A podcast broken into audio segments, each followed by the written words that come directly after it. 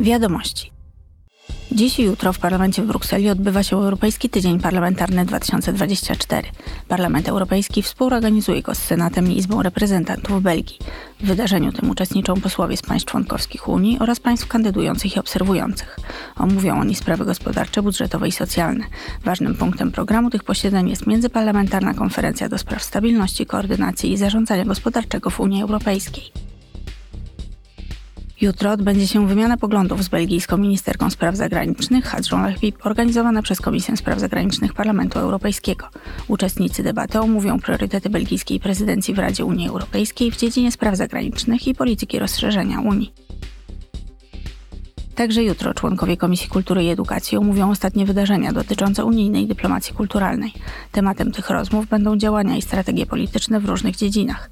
Mają one umocnić zarządzanie zewnętrzne Unii jako głównego podmiotu w sektorze kultury i sektorze kreatywnym. Szczególnym tematem rozmów będzie rola dyplomacji kulturalnej w unijnej polityce zagranicznej w kontekście niestabilnej sytuacji na świecie.